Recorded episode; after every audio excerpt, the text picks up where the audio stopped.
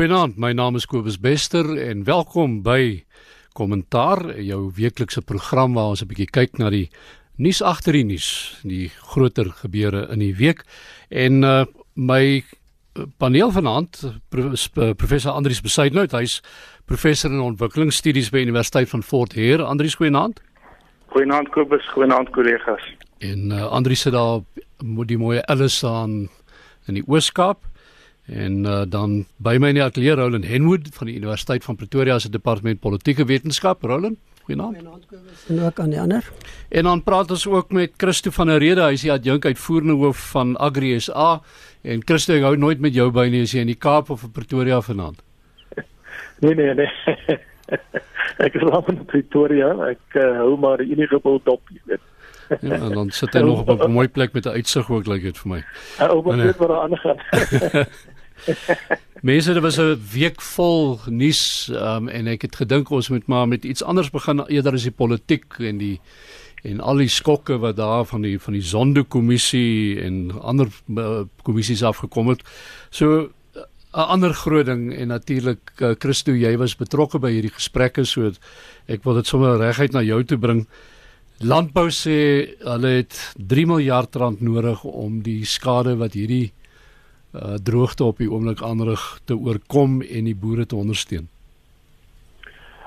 Kobus, ons het die afgelope paar dekades uh, het ons gewoond geraak aan 'n 6 jaar siklus. En boere het hulle maar uh, jy weet georiënteer ten opsigte van dit.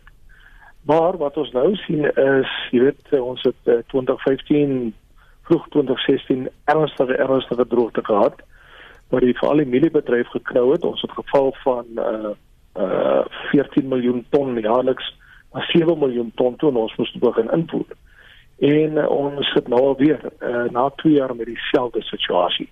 Ons het 'n opname laat doen onder die boere en ons het bevind dat baie van die boere is finansiëel gekrak. Uh, en in baie gevalle is uh, is van hulle al vir 4 jaar in sulke droogte omstandighede vasgevang. En dit maak ons baie bekommerd want ons sit nou met die uh verbod op uitvoere van uh vleis na die buiteland as gevolg van hierdie uitbraak van die back and closure siekte daar in Limpopo en dan sit jy nou uh, met uh mieliepryse wat stadig maar seker besig is om te styg. En dit mag dalk bydra tot voedselinflasie en ons uh jy weet ons wil eintlik so 'n krisis afweer. Dis uh, iets wat mense verbasend genoeg uh Andries nie altyd die die kloukie by die oor kry nie. Uh, as Christo nou gesê het, uh die druk op uh, op landbou gaan noodwendig lei tot hoër pryse. Uh wat groot implikasies inhou vir 'n land wat al klaar met 'n geweldige armoede probleem sit. Um en 'n uh, mens kry die die indruk soms dat daar nie daardie besef by regeringslei is oor hoekom daar ingegryp moet word om vir landbou te help om hierdie ding te oorkom nie. Ja, Kobus, daar's natuurlik ehm um, die die kwessie ook van die werksgeleenthede op plase. Ek ja. sien Agri SA verwys na 31000 ehm um, werksgeleenthede wat wat uh, wat daarmee heen is as gevolg van die druk uh, waar waaronder boere verkeer. En dit neem toe. Ehm um, ehm um, ja, absoluut. En ek het ook, ek het ook vandag bietjie gaan kyk ter voorbereiding na die tipe subsidies wat in ander lande uh, uh wat daar in ander lande is vir landbou en die tipe uh tariefbeskerming wat daar is. Ek meen die Europese Unie, dit is uh die 3 miljard waarvan ons hier praat is eintlik klein geld in vergelyking met die die die dag die, die jaarlikse subsidies wat wat boere ontvang in die Europese Unie en dan dan praat ons ook natuurlik van die van die tariefbeskerming terwyl ons in Suid-Afrika bitter min daarvan het. Daar's baie baie min staats uh, ingryp ingryp in die in die in die in die ekonomie van landbou in in grondkwessies en arbeidskwessies is 'n ander saak. Maar maar in die tipe van ondersteuning wat die landboubedryf um, in ander dele van die wêreld geniet, uh, sien ons eintlik bitter min van. Ja, ek wil aansluit. Ek dink baie belangrik hier is dat jy sit met nie meer normale droogtepatrone nie. En waarskynlik en ek weet daar's mense wat nie dit wil hoor nie, maar waarskynlik sit ons hier en kyk na wêreldklimaatspatrone wat verander as gevolg van aardverwarming en al hierdie goed. Wat my bekommerd maak is twee dinge. dat dis nie nuwe verskynsels nie. Ons begin miskien meer die direkte gevolge daarvan beleef man op straat. Maar daar's geen plan, daar word nie oor gepraat nie, daar word niks gedoen wat die indruk skep dat hier word gewerk aan 'n manier om die goed in die toekoms te bestuur nie. Want dis wat gaan moet gebeur. As dit die patroon is, gaan dit nie nou ophou nie. Hmm. Ehm um, jy gaan nie 'n droogte en dan na 'n paar jaar reën dit en dit gaan goed en jy kan weer reserves opbou nie. So dis die een aspek wat my baie bekommerd maak. Die tweede aspek is die aspek wat Andrius na verwys. Mens kry die indruk dat die regering glad nie besef wat is die belang van landbou nie. Ek praat nie van grondverdeling in daai debat nie. Landbou as 'n bedryf wat 'n kritiese rol speel. Ehm um, Suid-Afrika se landbou is waarskynlik die mees geïsoleerde landbousektor in die wêreld van sy eie regering af. Nou daar's historiese redes daarvoor. Feit is dit maak dit nie reg nie. Ehm um, baie keer kry mense die indruk as jy kyk na hoe droogte op die bietjie wat daar is hanteer word of dit of mense uit hulle pad wil gaan om hierdie ding eintlik te vernietig en ons gaan almal 'n baie duur prys daarvoor betaal. Christo daar daar is die afgelope tyd toenadering gesoek. Ek dink julle het ook met uh, president Ramaphosa 'n bietjie uh, bietjie beter bande begin bou. Uh maar jy weet dis nou daai ou storie van die ja, dis nie net een swaalkie wat die somer maak nie. Hy sit nog met 'n hele klomp mense om hom en onder hom wat uh as nie dieselfde gaan dink noodwendig as wat hy dink nie. Inderdaad Kobus. jy weet ons uh, binne die landbousektor moet eintlik fokus op voedselproduksie. En ons moet gaan kyk na die faktore wat voedselproduksie op een of ander manier ondermyn. Veral klimaatsverandering, ons moet gaan kyk na beter tegnieke, ons moet gaan kyk na watervoorsiening, beter metodes en die heel nuwe tegnologie. Dit behoort ons fokus te wees. Maar ons word polities so besig gehou uh een oomblik sê die regering maar goed kom ons uh, onteien grond sonder vergoeding. Uh die volgende oomblik uh, moet ons uh sukkel om die staatsdepartemente wat verantwoordelik is vir die beheer van siektes moet ons hulle tot die tafel dwing om met ons 'n gesprek te hê. Want mense besef nie wat die implikasies van hierdie uh pestes uh is nie, veral nie op die bedryf nie ons sukkel reeds net om ons grense in stand te hou tussen Zimbabwe en Suid-Afrika tussen ons en die Kruger Nasionale Park. Uh ons ons sukkel werklikbaar om gefokus te bly op die goed wat vir landbou vorentoe moet neem. Want jy stak is besig om net te koes vir die pile wat op jou afgevuur word.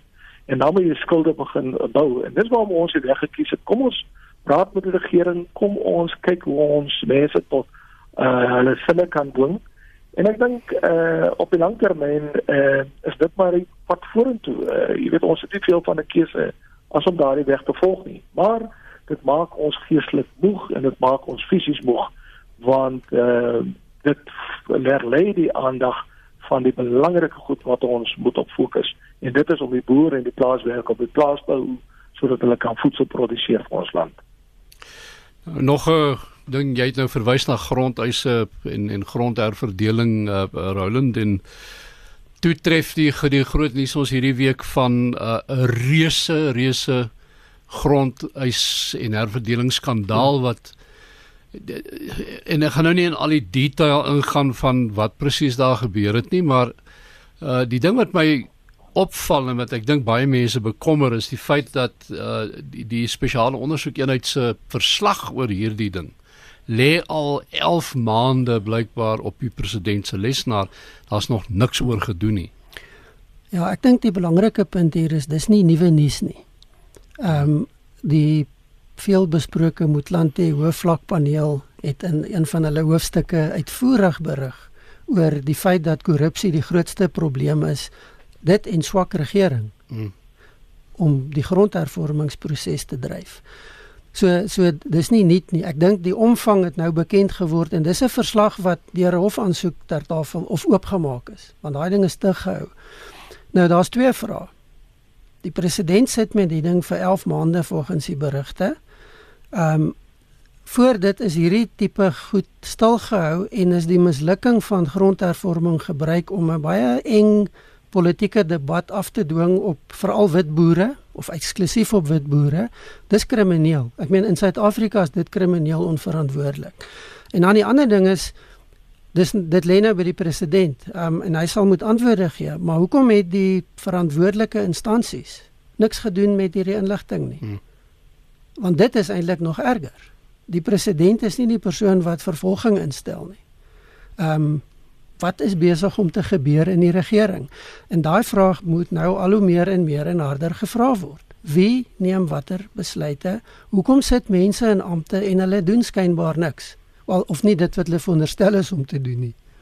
So uh, sou jy reken Christo as mevrou Batoy nou die leiersels oorneem by die vervolgingsgesag. Ehm um, dis een van die eerste sake waarskynlik wat sy regtig kan haar tande kan inslaan. Kyk, dit is een van die vele verslae wat eh uh, vir die spesiale ondersoekeenheid eh uh, reeds voltooi is hmm. en dit werk vir die president. Ek weet by die agrisetas en ook by ons eie seta die agriseta is ondersoeke gedoen en uh, die bevindinge is is eintlik skokkend. Uh, uh, jy weet mense wat aangestel is in verantwoordelike posisies eh uh, het die staatsinstellings bloot net gesien as 'n lekker krip, jy weet om by te staan en vreet en dit leeg te steel. Uh en dan sien ons ook verskriklike korrupsie uh, binne die uh, departement landbou ek en, en ook uh grondhervorming. En dit was die goed wat ek en my kollega ingedra het in die parlement tydens ons voorlegging uh oor die uh, die uh, grondoneenings sonder uh, vergoeding uh, uh sessies. En ons het daar bekend toe. Dis nie die grondwet wat die wat die wat nou die skuld moet dra vir uh die swak vordering nie. Dis amptenare en dit is die gebrek aan politieke wil wat aan die wortel van die kwaad is. Uh, so mens hoop maar dat uh, as Cyril nou die mandaat kry uh, en baie mense sê ons is dalk naïef om daai tipe van eh uh, hoop te koester, maar mense hoop dat daar dan iets van kom. Andries, wat maak jy van die goed? Ek uh, kyk hier afgelope paar jaar is daar elke nou en dan iemand vervolg, maar dit so een een of twee mense uh, op op 'n keer. Hmm. Ehm um, in die verslag is daar nou meer as 40 mense wat wat betrokke is en so dit moet met ander woorde 'n massiewe vervolging wees. Ehm um, as as as dit dan nou deurgevoer word. Ek dink dis politiek baie betrokke. Kobus, ek wonder maar oor ehm um, Rama Cyril Ramaphosa en die hele kwessie van grond. Het hy 'n soort het hy tipe van die wind uit beide ehm um, voormalige president Zuma en Julius Malema se seile probeer haal deur die grondkwessie vir homself toe te eien. En ek wonder of hy, of sy plan maar nie wag was om te wag tot na die verkiesing en dan iets te doen nie. Daai verkiesing waarvoor almal wag en dan moet daar nou klomp wonderwerke net daarna gebeur. nou kom ons kyk maar wat gebeur daarso. Uh nog 'n ding wat natuurlik ons kan nie daarby verbykom nie, ons gaan daaroor moet praat.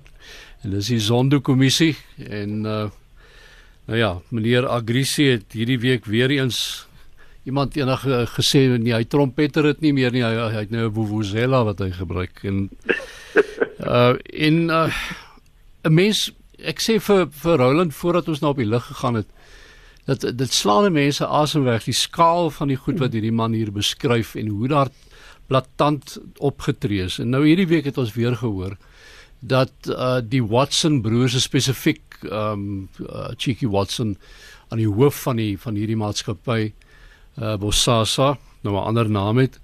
Uh wat gereken het dat hy regstreeks beheer het oor die president self, die president van die land.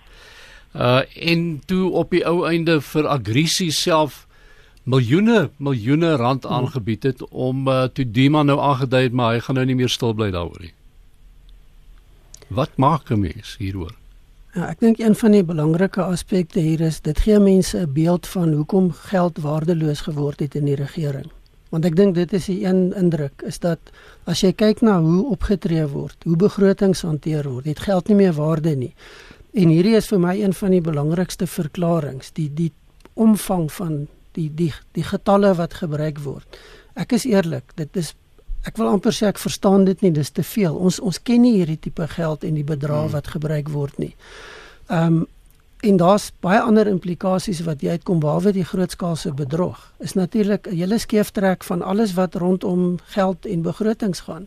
So ons gaan nog baie lank sukkel om hierdie probleme te hanteer. Ehm um, ja, dis nou maar eintlik een persoon Daar hoeveel ander sulke goed is daar nog? Daar's mense wat met jou praat wat sê hierdie is maar nog net die begin. Ja. So mense te koue hand om jou hart as jy sien wat hier besig is om. 'n Bekende skrywer en 'n ondersoekende joernalis uh wat verlede week al gesê het, luister en hy toe 'n hele lys name van maatskappye opgenoem daar wat hy gesê het die die vletjieblassers moet nou maar begin ja. aantree want uh, die dieselfde goed gaan daar ook aan. Ehm um, en jy weet so as ons nou dink ek dink as begroot vir hierdie uh, sondekommissie om vir 2 jaar lank te sit. Dit dit lyk vir my hulle kan dit nou maar begin verdubbel ja. die aantal mense wat blykbaar nog wil kom praat. Uh so mense moet nou maar gaan kyk, maar intussen uh jy weet die die goed wat uitkom, uh joernaliste wat uh glo betaal is en ek sê glo want ek ek mense begin wonder hoeveel van hierdie goed? Nou meneer Agrisie is onder verpligting. As hy nie waarheid praat nie en hy word uitgevang dan gaan hy beslis tronk toe lyk dit vir my. So hy moet waarheid praat maar een van die goed wat hy nou gesê het is dat hulle het 'n uh, skenking gemaak aan die sogenaamde SABC uit. My uh, ou kollegas wat uh, hof toe is nadat hulle ontslaan is en so voort. Nou die skenkings wat aan hulle gemaak is uh, vir die hofsaak en so aan is geaudit. En die mense sê daar's geen teken van enige geld, maar dit kon natuurlik deur 'n tussenganger ja. gaan, dit mense weet dit nie. Ja, ek dink dis die risiko wat jy met die goed sit. En en natuurlik dan wat glo jy en wat glo jy nie. En dis een van die krisisse wat vandag weg oor die wêreld mense hmm. onder druk plaas. Is wat glo jy en wat glo jy nie die die sogenaamde fake news wat wat aangebied word. Ehm um, as jy mens kyk na die die die sosiale media, die tipe goed wat omgestuur word. Dis baie moeilik vir meeste mense om te gaan onderskei tussen wat is waar en wat nie. En en nou moet 'n mens teruggaan. Ek meen daar is joernaliste wat betrokke was by hierdie tipe goed in die onlangse verlede. Maar dit plaas natuurlik 'n groot vraagteken nou op alles. En dis baie ongelukkig en ek dink dit is daarom krities belangrik en dit is blykbaar wat nou gaan gebeur dat daai aspek baie spesifiek en baie vinnig ondersoek moet word. Nie net rondom die die SAIK 8 nie, maar ook dit wat die Sunday Times gepubliseer het. Nou hmm en ek wil nie hulle uitsonder nie, maar die Sunday Times het bietjie van 'n veelbesproke rekord die afgelope 4 jaar ja. rondom die tipe goed wat hulle bekend maak. Maar dit is krities belangrik dat dit so gou moontlik hanteer moet word. Maar Andries, dink jy nie dis ook maar uh, belangrik dat hulle dalk maar die name moet bekend maak van die mense wat hulle na bewering geld vir gegee het? Uh dat uh, hierdie ding in die in die in die oop te kan ingebring word of anderste moet daar besluit word om te sê maar dit was nie waar nie, maar dit ja, om hierdie ding net so te laat hang uh is besig om ander joernaliste wat hulle werk reg doen of probeer reg doen uh geweldig bloot te stel. Ja, absoluut. Ek dink Max de Pre het ook die punt hierdie week gemaak is dat dit laat eintlik 'n donker wolk bo oor die hele um, professie hang. En dit is belangrik dat dit nou maar die beginsel hier in, in journalistiek is uh die waarheid maak vry, né? Nee? Ek dink die um die uh, die New York Times se leser verwys na so tipe iets so laat dit laat dit dan uitkom in die oopte en selfs al is daar al is dit net beweringe laat dit dan getoets word. Ehm um, uh, ek dink wat belangrik is van 'n kommissie soos hierdie is dis nie net die getuienis nie maar daar word ook ondersoeke gedoen en daar's verdere prosesse om dan om dan uh te toets wat gesê word. Ja, kom ons stap maar van hom af want ek is seker ons sal volgende Sondag weer oor die sondekommissie wil praat en uh, want dis een skandaal op die ander ene. Maar kom ons gaan bietjie kom ons gaan bietjie tegnies buiteland toe. Maar dit gaan eintlik maar na oor, oor ons die beleid van die van die ANC ons het nou twee gevalle hierdie week nou uh, ervaar. Die een was by Davos uh, en daarna uh meneer uh, Ramaphosa en uh, sy kabinet wat gereken het hulle uh, wil Zimbabwe bystaan en uh, help in hulle groot probleme wat hulle daar het. Maar nie een keer. En laasne daar word nou beskuldigings geslinger hierso van aller oorde af. Nie een keer het meneer Ramaphosa of enige van die ander regeringslui enige hulp of steun aan Zimbabwe gekoppel aan iets soos menseregte, ehm um, eerlike regering en al daai goed wat op die oomblik uh, rondgeslinger word in Zimbabwe, die feit dat mense sê al hierdie dinge loop verkeerd op die oomblik. En ons het niks daaroor te sê nie, ons regering. Uh dieselfde geld natuurlik in Venezuela waar uh, president Nicolas Maduro uh, lyk dit vir my tegnies uit die kussings gelig is. Uh, Juan Guaido, die visiepresident wat nou vir homself president gemaak het. Uh Amerika natuurlik het eerste ingespring sê hulle erkenning wat ook maar omstrede is. Uh maar terselfdertyd Suid-Afrika wat sê nee, hulle ondersteun van Maduro. Maar geen woord gerep oor gesonde ekonomiese beleid, uh menseregte en al daai goed wat waarvan hy nou ook beskuldig word nie. Ja, as ek mag inkom, ek dink dit is baie belangrik. Ehm um, daar word baie gepraat oor die basiese beginsels, soewereiniteit, jy meng nie in nie. Probleem is jy sit met twee state wat hulle self vernietig het of hulle politieke elites het die, het, het die al twee vernietig. Hulle het die ekonomie vernietig, hulle het die regerings vernietig. En daar kom 'n punt wat 'n mens waarskynlik begin die vraag vra maar hoe ver strek hierdie skerm van soewereiniteit? Want menseregte en die verantwoordelikhede wat daarmee saamgaan. En dis 'n beginsel wat in die VN gevestig is. Op 'n punt oorskry dit die reg van soewereiniteit. En Suid-Afrika het nie 'n goeie rekord met Zimbabwe nie. Ehm um, Ek dink nie mense kan sê Suid-Afrika het Zimbabwe veroorsaak nie, maar ons het toe gekyk hoe Zimbabwe vernietig word. Nou sit jy met 'n nuwe president wat skynbaar met groot verwagtinge en nuwe manier van doen sou inkom, maar dit lyk al hoe meer soos die ou Zimbabwe. So jy het 'n regimeverandering gehad wat goedgekeur is onder andere deur Suid-Afrika en nou hou dit daarop en ek dink nie dit is aanvaarbaar nie. Selfs met Venezuela.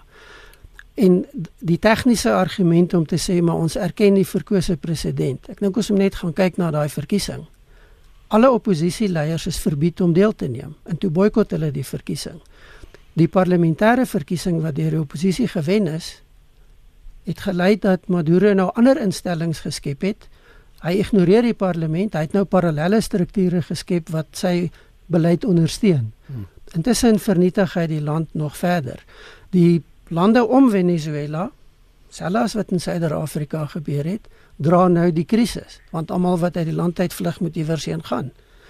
En dis die tipe dinamika wat Suid-Afrika lyk vir my nie 'n antwoord op het nie.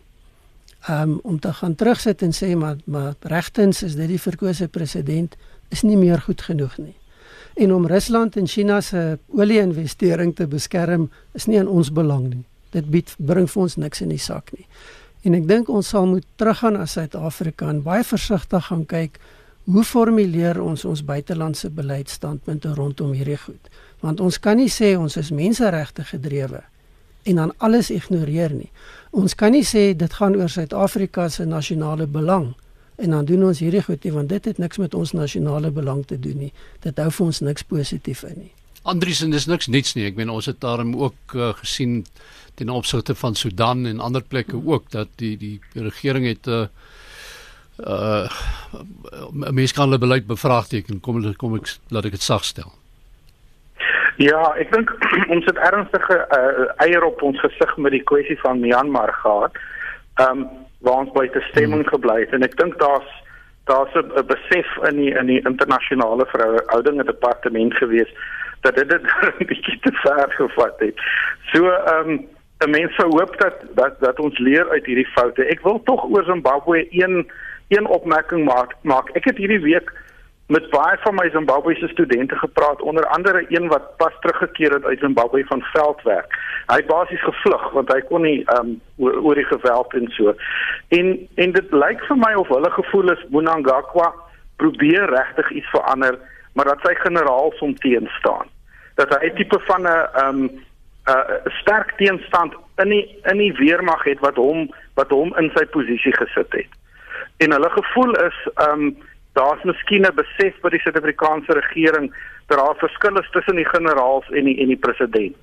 En dat 'n manier om die president te ondersteun sou wees om om die ekonomie te probeer versterk. Ek weet nie ek weet nie of ek hiermee saamstem noodwendig nie, maar dis 'n gevoel um, hier in Alice. Maar die ding is Christo um, om aan te sluit by wat Andrius nou daar gesê het. Um, ek weet daar's beslis nog die ge, genoegsame kundigheid in hierdie land om Zimbabwe te kan bystaan as hulle daai ding van hulle wil omswaai.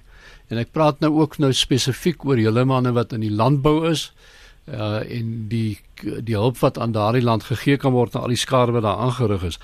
Maar dit kan ook nou nie gedoen word as daar nie standpunt ingeneem word en ten minste ook 'n 'n tipe van 'n kalmte in die land gebring is voordat 'n mens kan ingaan daar nie. Nee, sekerlik. en dit is wat ons uh, doen deur middel van Sakal. Sakal is die laat ek nou die Engelse uh, uitspraak of, of verduideliking gee.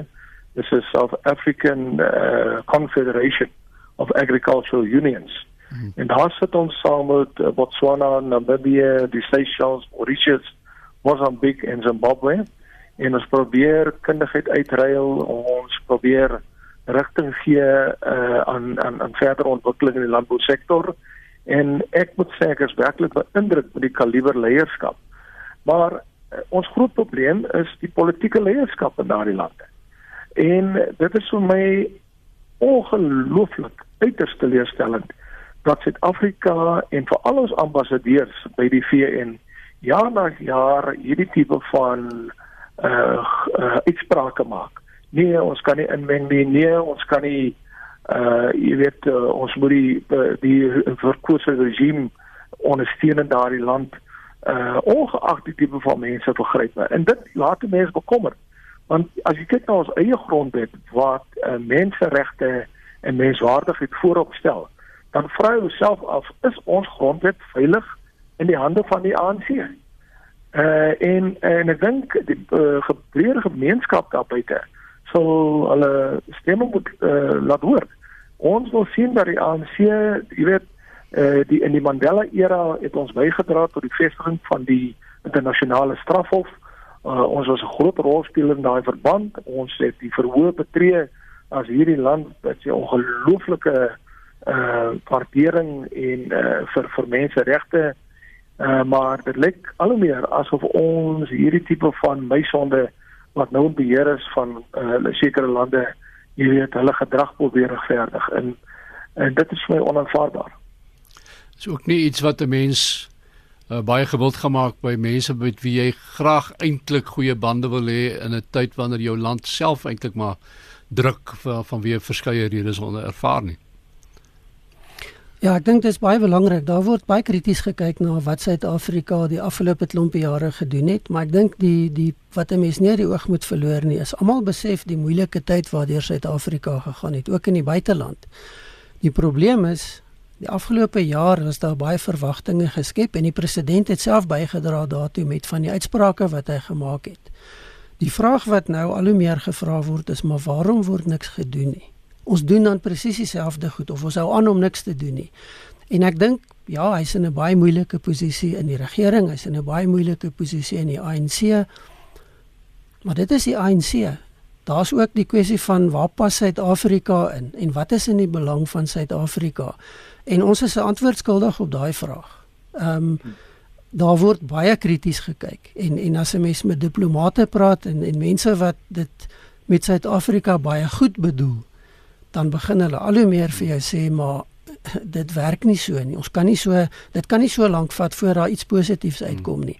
En dit lyk nie vir my of Suid-Afrika daai boodskap kry nie. Dit lyk nie vir my of die mense wat hierdie goed moet hanteer sensitief genoeg is daarvoor nie. Kom ons gaan 'n bietjie Kaap toe. En uh, interessante verwikkeling daar. En Pieter Maree uh man wat al lankal bekend is in ons politieke kringe. Ek het hom in die 80er jare al met hom te, te doen gehad. En uh die Vryheidsfront Plus. En hy is hulle premierskandidaat in die Weskaap en uh, mense eerste reaksie was dis politieke opportunisme, miskien is dit. Vraag is steeds uh, beteken dit byvoorbeeld dat die Vrye Vryheidsfront Plus nou 'n veelrassige party gaan word? Ja, ek dink interessant. My eerste gewaarwording is ook dit dit klink amper onver onmoontlik dat dit gebeur. Maar dalk is daar meer in hierdie konteks en dalk is daar meer denke wat hier ingegaan het as wat mense van buite sou met die eerste oogopslag ehm um, aanvaar. Ek, ek dink daar's twee goed wat vir my belangrik hier is. In die eerste plek dis 'n aanvaarding waarskynlik van die Vryheidsfront Plus dat jy net met wit Afrikaners steun herrens gaan kom nie. Ek sê nie hulle skryf dit af nie, maar daar's 'n aanvaarding dat daar 'n ander manier van doen moet wees en moet kom in Suid-Afrika. Ehm um, dan die keuse van hoe jy met hierdie ding vorentoe gaan. En ek dink mense kan sekerlik baie vrae vra oor die keuse van Pieter Marie as kandidaat. Aan die ander kant, hy is 'n gesoute politikus, hy's 'n leier met baie jare se ervaring en hy het nog altyd ondersteuning gehad in die Wes-Kaap. En ek dink dit is waarskynlik wat mense hierna moet gaan kyk is dat hierdie is die Wes-Kaap. Dit gaan nie oor die res van Suid-Afrika nie. Dit gaan oor wat op die stadium in die Wes-Kaap gebeur. Ehm um, daar is in die Wes-Kaap waarskynlik 'n ander dinamika besig om los te kom. Daar's baie ongedurigheid binne en rondom die DA. Daar's baie ongedurigheid oor 'n baie lang tyd binne en rondom die ANC in die Wes-Kaap en hulle kon dit nog nie besweer as ANC nie. So waarskynlik is hier 'n ander geleentheid.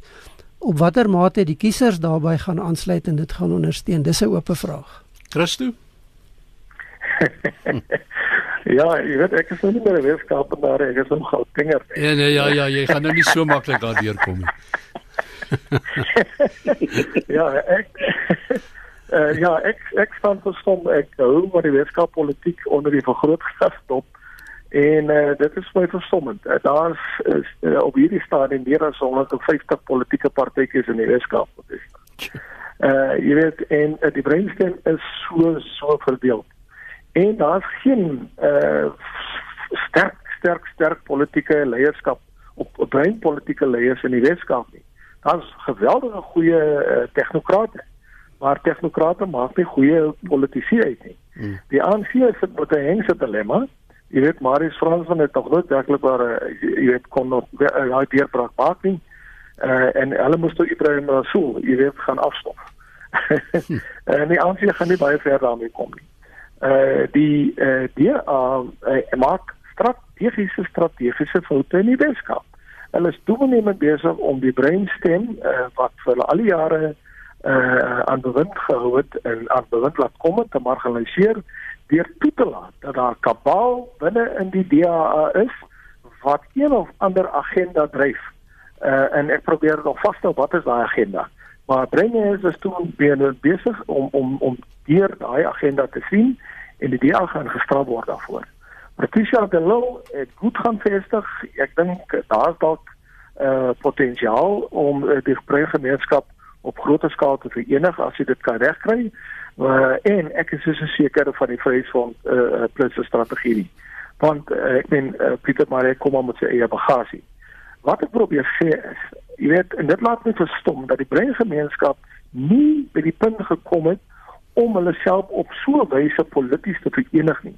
Want as jy polities verenig is, dan kan jy die politieke hefboom jy weet op groter skaal gebruik tot die voorbeeld van jou breër gemeenskap. En het jy as 'n blok sê goed, ons vertrou die ANC moet ons stem, maar dan koppel ons sekere voorwaardes aan dit. Jy weet, dan dan jy dan bereik jy iets. Maar ek dink jy weet ons kan nou blou uh, praat tot ons blou in die gesig is. Maar uh, die breingemeenskap hierdie punt is eintlik hulle grootste vyand want hulle het nog nie die vermoë en die volwassenheid bereik om op groot skaal te mobiliseer en te sê goed ons wil gaan vir hierdie party stem of ons gaan ons eie party vestig maar met bepaalde voorbehoude. Andries dan saam met dit ehm um, jy weet uh, Ons is op pad na 'n verkiesing. Ons het al van tevore op hierdie program aan verwys, maar daar was nou weer hierdie week wendings binne die DA wat uh, baie duidelik op wys dat hulle is ook nog nie reg vir 'n vir 'n verkiesing nie. Uh, Gwen Gwenya wat nou hulle hoof van hulle uh, beleidsafdeling was wat nou bedank het wat nou nou 'n gewone agterbanker word. Ehm um, en al die stories wat rondom dit ontwikkel het en mense weet nie eintlik uh wie staan waar met uh, wat wat wat die leierskap betref nie maar as beslis verskeie faksies. Ja, ek dink ehm um, soos die EFF sukkel die DA ook om 'n om 'n om 'n stem te vind post uh Zuma. Uh dis baie maklik as mense saam verenig is teen iemand en dit is baie moeiliker as jy vir die kiesers moet sê maar waarvoor staan jy dan nou eintlik? Ehm um, En ek dink die, die DA sukkel nog steeds om aan aan aan hulle eie lede en in die breër kieserskorp kieserskorp te verduidelik waarvoor staan hulle dan nou presies. Wie is die DA? Kan uh teen om teen korrupsie te wees, is dit is is dit die 'n uh, 'n uh, tipe van 'n samebindende faktor? Dit kan seker wees.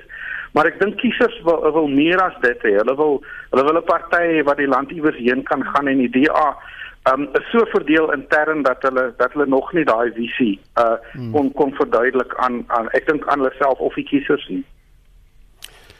Roland Ek dink 'n belangrike punt miskien net as ons gaan kyk na ook vanaand se gesprek en wat besig is om uit te speel in die politiek en dit behoort Suid-Afrikaners onrustig te maak. Ek weet daar's mense wat gaan sê nee, dit is nie so nie, maar maar hierdie is 'n baie belangrike punt wat mense nie moet miskyk nie. Ons begin al hoe meer sien nie net die fragmentering van ons politiek nie, maar die die vorming van ou identiteite wat terugkom in die politiek en baie daai baie van dit het 'n etniese ondertoon Die ja. ANC praat van tribalism en dis 'n kwade dag in Suid-Afrika se politiek as dit die dryfveer word van ons nasionale politiek. Ek hmm. praat nie van ander belange wat daarmee assosieer nie, maar dit is in wese die gesprek wat nou gevoer word rondom wat in ons politiek gebeur. En selfs die krisis wat mense rondom die DA sien, is 'n aanduiding van die mislukking in die Suid-Afrikaanse politiek om verby daai punt te kom. Nou uh, maar, maar, maar kom ons ehm uh, Christo ek ja. wil net uh, uh, iets uh, aanvul wat Rolando daar noem. Dan nou uh, ons gaan hierdie hierdie ontwikkeling gaan jy sien. En hoekom sien jy dit? Omdat mense voel hulle word nie hulle word misken, hulle hmm. regte word misken. En ons sit met 'n klomp stukke wetgewing wat mense op weer Dis die ANC wat hierdie wetgewing ingebring het wat mense op grond van hulle etnisiteit uh jy weet teen hulle dan diskrimineer en sê goed jy's wit jy staan laaste in die ry jy's bruin en manlik jy staan daar derde in die ry en indeer iewers waar ook op die rangorde en dis die tipe van goed wat mense uh dwing dan om terug te val en binne daai etiese laag. Mm. en hulle begin dan uh, jy weet rondom hierdie identiteite wat gemarginaliseer word deur middel van wetgewing. Hulle uh, jy weet uh, mobiliseer dan rondom dit ons moet teruggaan na die politiek uh, soos sê die politiek van menswaardigheid. Maar ons sien dit nie uh jy weet uitspeel binne die breë Suid-Afrikaanse konteks nie. Uh en ek is deel met reg daai bekommernis wat Roland nou die tafel toe bring. Maar jy weet ons leidende politieke partye moet verantwoordelik gehou word vir hierdie uh ding dat mense terugval binne hulle etiese laas. Nou kom ons kyk wat nog haar gebeur, maar ek is bly om te sê dat ons het so 'n paar minute oor en daar's nog een uh item wat ek regtig graag oor wil praat en dit is belastingboikotte en Helen Zille in die Kaap wat daarmee tevore gekom het en natuurlik mense soos mense kon verwag het daar nou 'n klein oorlogie om haar kop losgebars uit allerlei oorde uit en dan ook 'n hele klomp mense wat uh wat vir haar ondersteun in hierdie ding uh, verhoudend. Ja, baie interessant. Ek ek dink mense moet probeer om weg te kom van die emosie hiervan. Ehm um, 'n belastingboikot is 'n manier om politieke druk te plaas en is 'n manier om sekere doelwitte te bereik. En dis nie 'n onbekende ding in die politiek nie en dis ver van onbekend in Suid-Afrika. Trouwens, daar sekerre aspekte van wat ons as 'n belastingboikot kan beskryf wat sedert 1994 nog nooit verander het nie. Dit het voor dit begin en dit duur voort. Maar ek dink mense moet tog versigtig wees. Die die tweet van Helen Zille wat ek gelees het is een wat 'n mens baie versigtig na moet kyk. Ehm um, wat as ek nou reg onthou, ek kan nou nie die woorde direk herhaal nie, maar die basiese beginsel is as die ANC weer 'n meerderheid wen in hierdie verkiesing, dan beteken dit eintlik die demokrasie het misluk. Nou dit is net voor 'n verkiesing dink ek 'n baie gevaarlike stelling om te maak, want in wese wat jy sê is as ek nie my sin kry wat buite die ANC staan nie, dan is hierdie nie meer 'n demokrasie nie. En dit is 'n gevaarlike argument en 'n gevaarlike pad om te betree in die politiek. En ek dink 'n mens moet hier gaan kyk. Helen Zille is nog steeds die premier van die Wes-Kaap. Ja. Sy's nie 'n niemand in die politiek nie. En so ek dink dis 'n baie onverantwoordelike argument. Nie die feit dat sy oor 'n belastingboikot praat nie, maar om dit te gaan koppel aan die 2019 verkiesing is in my opinie uiters onverantwoordelik. Ek gaan moet haltroep uh, daarso ongelukkig. Um, die een ding waaroor ek gewonder het net vinnig is natuurlik hoe effektief so ding kan wees in 'n land waar die meeste mense eintlik werknemers is waar hulle belasting van hulle afgetrek word en oorbetaal word. Jy weet uh, wie gaan die wie gaan boikot en wie gaan nie. Maar hmm. dit is uh, dalk 'n gesprek vir 'n ander aand. Uh, ons moet groet ongelukkig ons aan die einde van ons program gekom en uh, ek groet namens uh, Roland Hemwood van Tikkies wat hier by my in die ateljee was vanaand daarop Alice Andrius Besuidnout van Fort Hare Universiteit en in Pretoria so sê hy ons kan dit nou nie bewys nie maar is Christo van 'n rede van uh, Agri SA. Ek sê baie dankie vir julle waardevolle bydrae weer eens vanaand. En uh, my naam is Kobus Bester. Ons groet uh, met kommentaar tot volgende Sondag 8:00.